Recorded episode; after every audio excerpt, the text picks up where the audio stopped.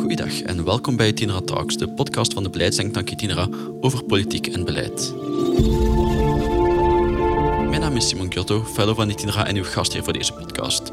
En samen met Leo Neels, algemeen directeur van Itinera en professor emeritus aan de KUL en de Universiteit Antwerpen, hebben we het vandaag over goed bestuur en politieke besluitvorming, of het uitblijven daarvan. Laat ons weten wat je denkt op Twitter en Facebook met hashtag Itinera Talks.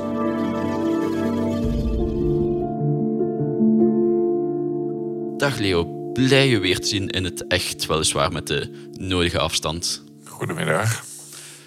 We kunnen er niet naast kijken deze dagen. De regeringscrisis laat weer van zich horen. Hoe kijk je daarnaar? Gaat het over de juiste man of vrouw die niet op de juiste plaats zitten, of zijn er een aantal weeffouten in het systeem? Het is gemakkelijk om de pijlen te richten op ons politiek personeel. En je ziet vooral op sociale media daar toch vrij strenge beoordelingen en veroordelingen. Dat is eigenlijk niet het discours dat Itinera voert.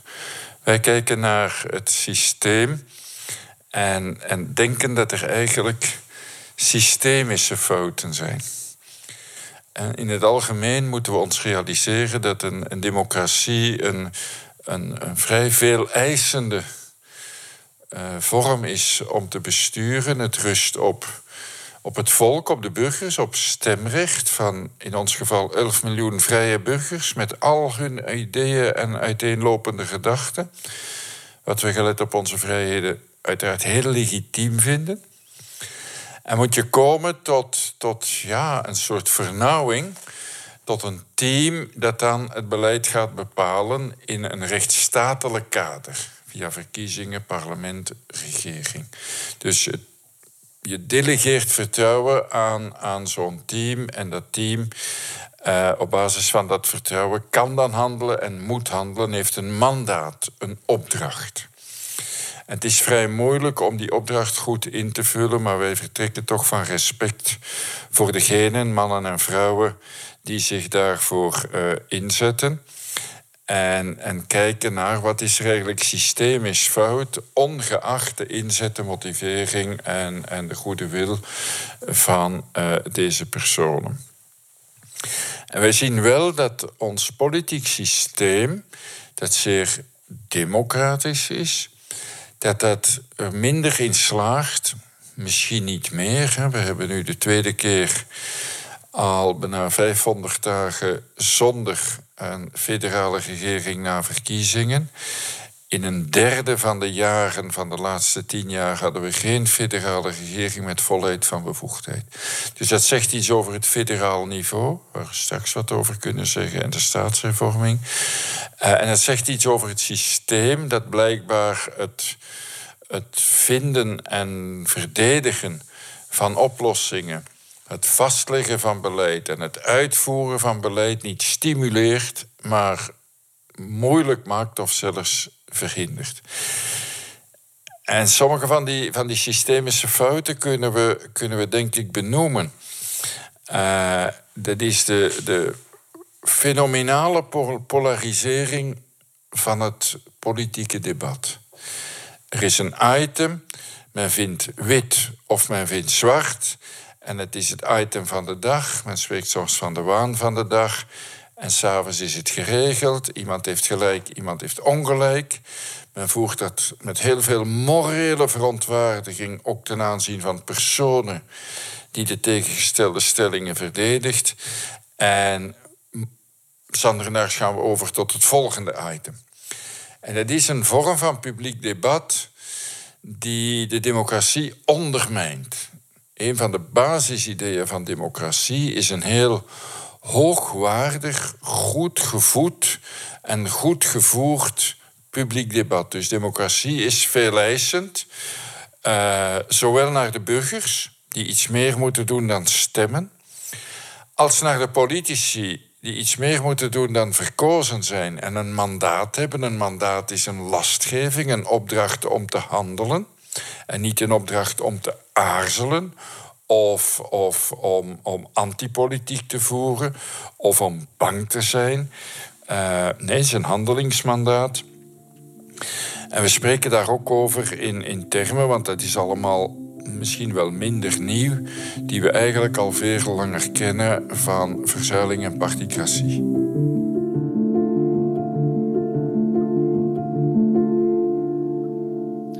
Je had het over democratie met verkiezingen, parlementen en regeringen. Maar in je essay spreek je ook over de parallelle besluitvorming. Wat bedoel je daar precies mee? Wel, je hebt, de, je hebt de politieke democratie die we kennen. Volksvertegenwoordigers essentieel, parlementen, Vlaams parlement, federaal parlement, andere regionale parlementen, etc. De politieke democratie in strikte zin. Maar je hebt ook een sociale democratie met, met vakorganisaties en werkgeversorganisaties. En je hebt heel wat instanties met een soort vertegenwoordigend karakter. Hoge raden voor financiën of voor gezondheid, de werkstellingsraad, de Hoge Raad van de Arbeid, etc. Uh, dus er is een, een heel uh, groot aantal gremia die ook vertegenwoordigende ambities hebben of verantwoordelijkheden. En die vaak ook taken eh, gedelegeerd hebben gekregen uh, vanuit de politieke wereld. En dus, ik noem dat ook wel eens soms de parallele democratie of de restdemocratie. Het, het, het, symbool daarvan is de groep van tien. En we zien ook daar toch wel dat de groep van tien blijkbaar ook moeilijkheid heeft om sneller tot de goede oplossingen te komen, daadkrachtige oplossingen voor de grotere maatschappelijke vraagstukken. Denk aan pensioen, rigiditeit van de arbeidsreglementering enzovoort, waar we eigenlijk al heel lang weten uh, wat de kwaal is en wat de hinder is voor onze welvaartsgroei en de productiviteitsgroei. Uh, en waar we eigenlijk niet in slagen om de oplossingen die we ook kennen uh, tot stand te brengen en daarvoor het draagvlak te creëren. De tragiek met toch een relatief levendige politieke democratie en een tamelijk goed bezette ook uh, parallele besluitvorming. Sociale democratie zegt men soms, overlegdemocratie, participatiesamenleving, erg gestructureerd, erg top-down uh, vastgelegd. Uh, is dat, dat geen van beide met die daadkrachtige oplossing voorkomt. Terwijl men zich ook had kunnen voorstellen dat ze elkaar zouden uitdagen en versterken. Kan je even voor het luisteraars verduidelijken wat die groep van tien is die je vermeld had? De groep van tien is op het federale niveau een groep van een werkgeversdelegatie, zoals het Verbond van Belgische Ondernemingen, VOCA, Unizo, etc. Met de werknemersorganisaties, hoofdzakelijk toch de syndicale organisaties. En zij spelen een rol in het loonoverleg en in de zogenaamde interprofessionele akkoorden. En zij heeft een historiek uh, van tientallen jaren, decennia, maar waar zij toch vaak met oplossingen kon komen en de laatste tijd vaak uh, stokt en niet meer met oplossingen kan komen en, en ja, de indruk geeft geen deuk in een pak boter te krijgen. En daar is het ook een vorm van parallele besluitvorming, want het gebrek aan aan oplossingsvaardigheid in de politieke gremia wordt gerepeteerd in die organen. En dat is eigenlijk zeer spijtig. Er zit veel meer rechtstreekse expertise, maar ook een vertegenwoordigend aspect. En men, men, wij denken nog altijd in die, die tegenstelling tussen werkgevers en werknemers. Als we dat in 2020 doen, is eigenlijk, eigenlijk bijna niet meer te bevatten. Uh, het syndicalisme uh, was grote, waren de grote innovatoren van de vorige eeuw, zeker de tweede helft van de vorige eeuw, en, en de grondleggers van de verzorgingsstaat. Uh, en vandaar denk ik te veel de behoeders van de verworven rechten die in de achteruitkijkspiegel kijken en die de welvaartsgroei, die de beste garantie is voor de verzorgingsstaat, eigenlijk remmen. Het is een heel, heel bijzondere toestand die, die we zouden moeten kunnen doorbreken door politieke dynamiek, maar die is er niet.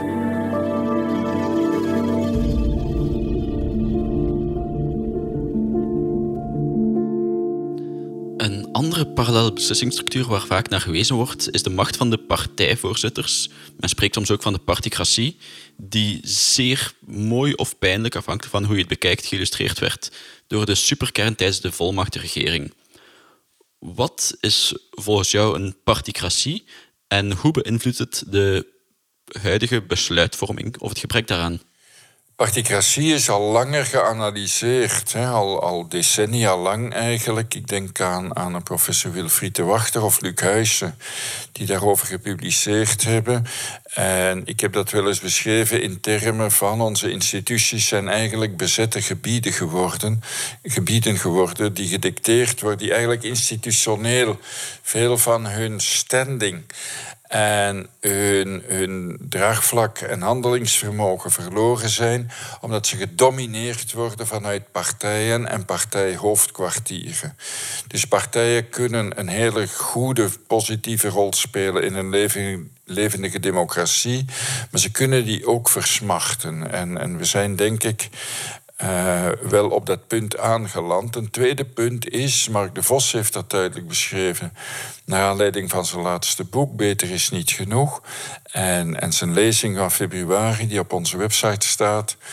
Uh, we zien ook dat wanneer we in crisissituaties zijn, uh, en, en de coronapandemie uh, is er zo één, zeker de uitbraak, die ons wat overweldigd en, en verrast heeft, waarin we laat zijn opgetreden dan zetten we eigenlijk de klassieke democratie zelfs buiten werking. En dan gaan we over tot bijvoorbeeld bijzondere machten, een soort van volmachten, waar we eigenlijk het parlement buiten werking zetten en iets uitvinden als op dat ogenblik de superkern, waarop zaterdagen de zittende regering, die een restregering is van de verkiezingen van 2014, omdat we die van 2019 negeren, in Brussel in de besluitvorming. Die restregering zegt, ja, maar ik moet mij nu versterken met de partijvoorzitters. En dat is een, een tragische illustratie eigenlijk van hoe ver die particratie is doorgedrongen in de hoogste gremia en een rol speelt, en een rol die zelfs gelegitimeerd wordt op, op een dergelijk ogenblik. Uh, en eigenlijk zijn dat afwijkingen omdat het de normale werking van de instituties hindert. We hebben ook gezien dat het parlement dan stuurloos wordt bij gebrek aan een krachtige regering, zo'n restregering, die eerst lopende zaken doet als ontslagnemend en dan bijzondere volmachten krijgt, zeer bizar, maar niet in slaagt het parlement te leiden waardoor parlementaire fracties zijn gaan flippen en, en plots anderhalf miljard uitgaven goedkeuren. Brika-brak van de ene inval naar de andere, die ook niet gefinancierd zijn, maar wel in wetten zijn gegooid. Dus het zijn nadelige systemen die redelijk zelfstandig door de partijhoofdkwartieren worden gestuurd, vrij willekeurig, waarbij partijen toch ook als kenmerk hebben of ons beleid om iets te veel te kijken naar gevestigde en private belangen en iets te veel naar verworven rechten of naar het verleden.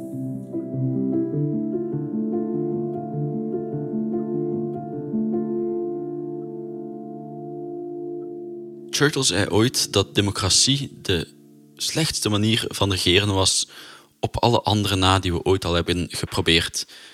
Betekent dat dan dat we de huidige weeffouten, de huidige problemen en uitdagingen die het systeem ons stelt, moeten aanvaarden? Want democratie blijkt het minst slechte te zijn dat we kennen. Ja, ik ben het wel eens met wat Churchill zei. Het is een moeilijk systeem. Het is veel zoals ik bij de aanvang zei. begint eigenlijk bij de fameuze wil van het volk, de natie, we the people, de aanhef van de de US Constitution. Dat, dat, is allemaal heel mooi.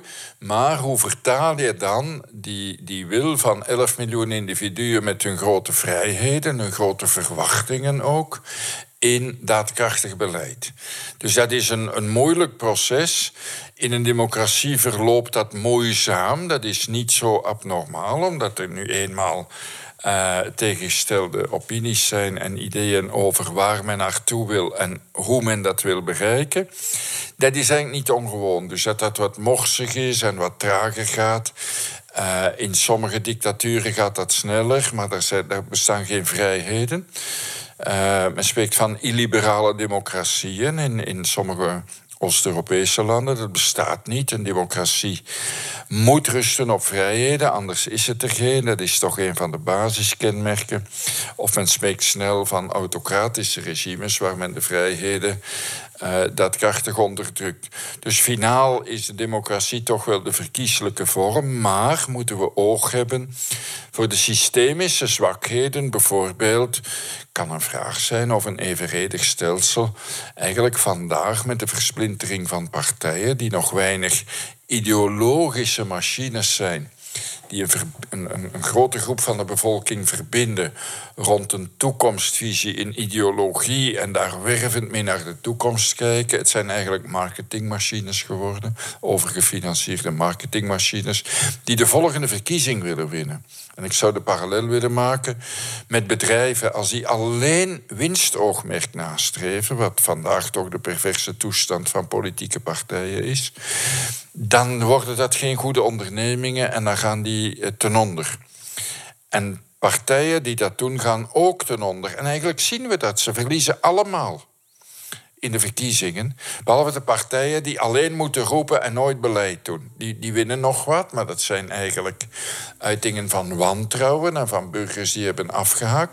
Maar de partijen met bestuursambitie gaan toch achteruit en doen toch hetzelfde. En dus onze oproep is daar: partijen kunnen een heel valabele waarde zijn om die democratie, die moeilijk, ambitieus, veel eisend is, goed te doen werken. Maar dan moeten ze het verdomd ook doen.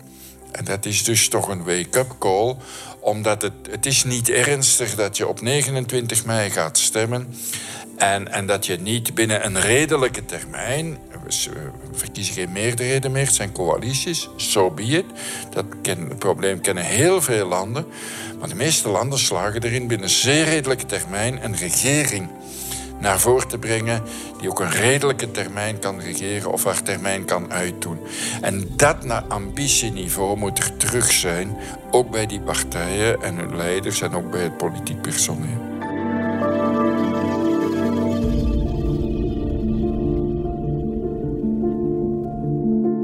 Je hebt aangehaald dat niemand stemt voor coalities. Niemand heeft gestemd voor de Vivaldi-coalitie die nu voor ligt, of de Avanti-coalitie, zo je wil, voor de regenboog of de klaproos die in Wallonië heerst. Is dat een probleem dat we stemmen voor partijprogramma's en geregeerd worden door regeerakkoorden? Ja en nee. De, de uitvinding van al die termen vind ik zelf problematisch. Dus dat Vivaldi en Klaproos en whatever, soms zegt men er was een, was een extreem rechtsbeleid, we moeten dat corrigeren nu naar een progressief beleid of een sociaal beleid. Wij hebben geen extreem beleid gehad. En wij zullen dat hopelijk ook niet hebben al die coalities die zweven rond een midden, rond een bepaald centrum met accenten naar links en accenten naar rechts. In de politiek is het wel zo dat de accenten naar links uh, daarin wat krachtiger uh, vertegenwoordigd zijn dan de accenten naar rechts. Dat, dat is ten eenmaal zo. Maar dat beleid dat zweeft rond een bepaald midden. Wat men doet is kijken naar zijn programma. Maar in 2020 kijken naar uw partijprogramma voor de verkiezing van 2019, dat je in 2018 geredigeerd hebt, sorry, dat is outdated. It's over. Het is voorbij. Maak dat in 2020. Ik ken geen enkel bedrijf dat vandaag zijn strategisch plan opstelt en zegt. We hebben dat bestudeerd drie jaar geleden. Daar gaan we onze strategie. Dat werkt zo niet, dus dat moet veel sneller gaan. Dat je het combineert omdat je coalities zijt, dat is een democratisch spel. Dus ofwel bij de verkiezingen verkiezen we meerderheden, dat doen we niet. Dan zouden partijen zich in, in grotere formaties aan de kiezer moeten voorstellen. Dat zou beter zijn, maar dat zijn we niet aan het doen. Dan moet je een coalitie vormen, maar vorm die met een doelstelling en niet met een puzzel van elementen van partijprogramma's. Dat is decadentie en dat werkt ook niet.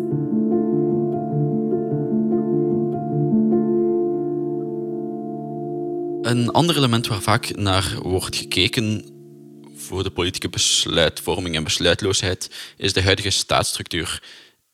Is die volgens jou bevorderend voor de besluitvorming of juist niet?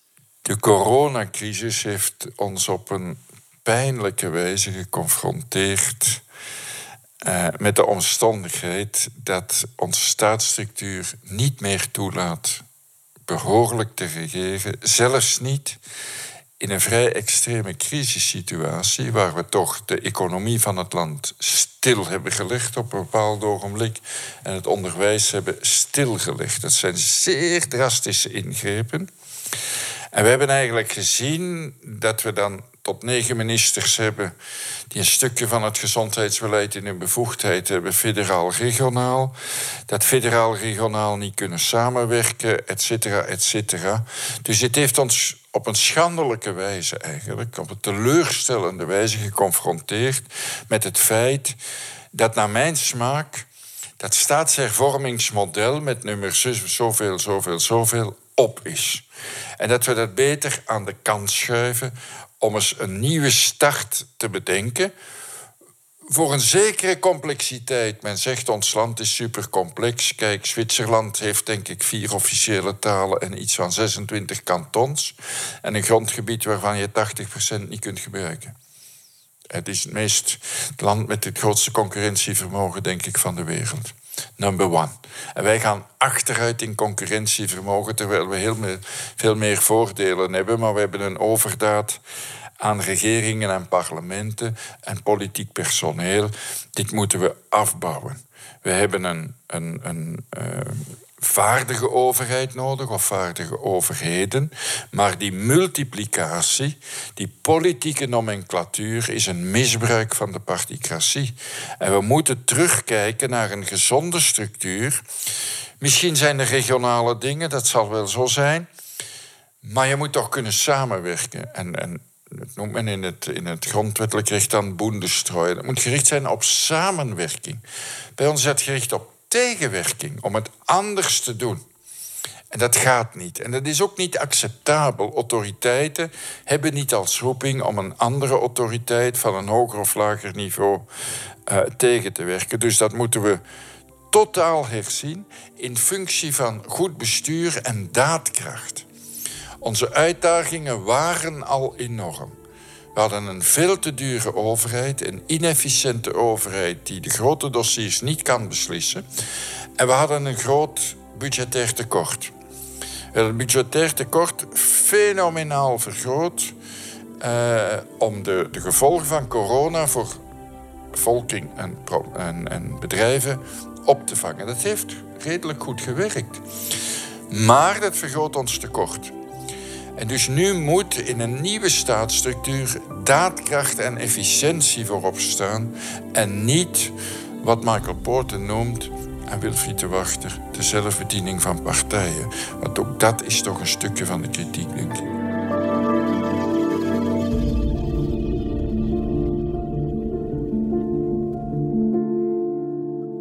Partijen en politici worden inderdaad vaak argwanend bekeken door de gemiddelde burger.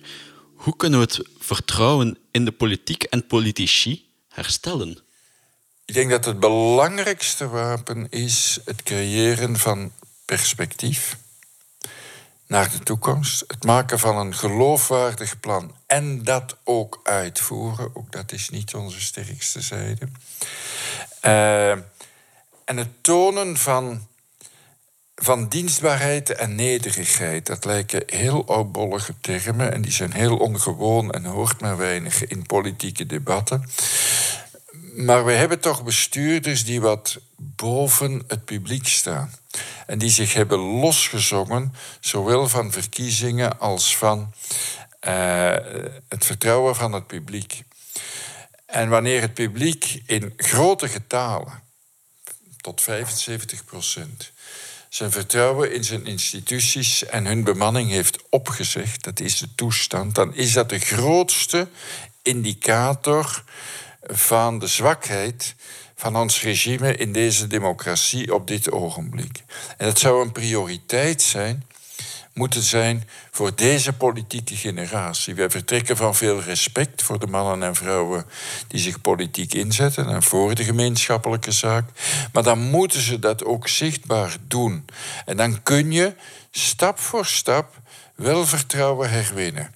Je moet aan jongeren, ouderen, actieven, niet-actieven, gezonden, zieken, etc verplegend personeel, onderwijzend personeel, politionele autoriteiten, etc., gerechtelijke autoriteiten, perspectief kunnen geven, respect kunnen tonen en zelfvertrouwen investeren. En het vergt een soort nederigheid van het beleid, dienstbaarheid van het beleid, om al die dingen beter te doen functioneren. En die dimensie missen we. En samengevat denk ik dat goed bestuur de factor is die onze buurlanden ten noorden van ons en, en Zwitserland ten zuidoosten van ons, maar voor de rest al onze landen ten noorden van ons, Nederland, Duitsland, Scandinavië, beter maken. Performanter, daadkrachtiger, efficiënter. En zij konden de coronacrisis uh, aanpakken zonder grote tekorten. En wij stonden met grote tekorten. En dat goed bestuur op termijn voedt dat vertrouwen terug. Uh, daar ben ik absoluut van overtuigd, samen met perspectief. We hebben geen politici meer die zich tot de bevolking richten met een perspectief. Denk aan, aan destijds John Kennedy, The Flight to the Moon, waar hij een technologisch perspectief creëert dat enorm wervend heeft gewerkt. En Amerika in een enorme sprong voorwaarts heeft gebracht. Denk aan de Yes We van Obama, die het dan moeilijk heeft gehad om het, uh, om, het, om het te kunnen waarmaken. Maar we hebben geen politici die dat toekomstperspectief uh, uh, nog tekenen aan onze jongeren en aan onze actieve generaties en aan onze gepensioneerden en, en zieken. En dat hebben we heel erg nodig. En goed bestuur is het cement waarmee je die stenen van vertrouwen terug op hun plaats kunt krijgen. Leo, heb je nog een laatste boodschap voor onze luisteraars? Misschien is de laatste boodschap er een voor de burgers. Wij zijn verwende burgers in een, in een verwennende staat. De gevolgen van corona zijn, dankzij de verzorgingsstaat, uh, eigenlijk grotendeels gebufferd en opgevangen. Je hebt gezien aan, aan scholen onderwijzers, universiteiten die zichzelf hebben heruitgevonden. Aan de ziekenhuizen, de zorgberoepen, de verpleegkundigen, de artsen, die zichzelf hebben heruitgevonden en hun ziekenhuizen hebben verbouwd omdat ze die onbekende, gevaarlijke aandoening zagen uh, op zich afkomen. En we hebben eigenlijk de bevolking heel goed in bescherming kunnen nemen, ook tegen loonverlies. Dat heeft een enorme krater geslagen budgetair. Maar wij moeten ervan bewust zijn hoe verwend wij zijn en hoe, hoe, hoe precair eigenlijk dat is omdat we die schuldgraad op lange termijn niet kunnen houden. En dus mijn oproep is, die democratie, en je zei straks, ja, dat is toch een heikel systeem, the worst of all form of governments. Uh, zoals Churchill zei, except for all the other ones that have been tried. Dat is een moeilijk systeem, maar een sleutelrol hebben wij als actieve burgers. En we zijn wat oververwend. En verwennerij is niet goed niet van kinderen en ook niet van burgers. Want dat ondermijnt de activeringsgraad. En een goede democratie werkt ons door onze bijdrage in het publiek debat, in de attitude, uh, in vrijwilligerswerk, etc. En er is heel veel weerstand onder de bevolking. Dat hebben we wel gezien in, in prachtige initiatieven uh, in de wijken, scholen, gezondheidszorg, etc. En dus dat actieve burgerschap is eigenlijk de, de finale sleutel, zowel van vertrouwen als van progressie en welvaartsgroei. Dankjewel Leo en ook bedankt aan onze luisteraars om er weer bij te zijn. Ik was Simon Giotto en samen met Leo Neels hadden we het vandaag over goed bestuur en politieke besluitvorming. Het essay, waar meerdere keren naar verwezen is, kan je nalezen op onze website. Abonneer je op de podcast en blijf op de hoogte van politiek, beleid en itinera. Laat ons weten wat je denkt met hashtag Itinera Talks.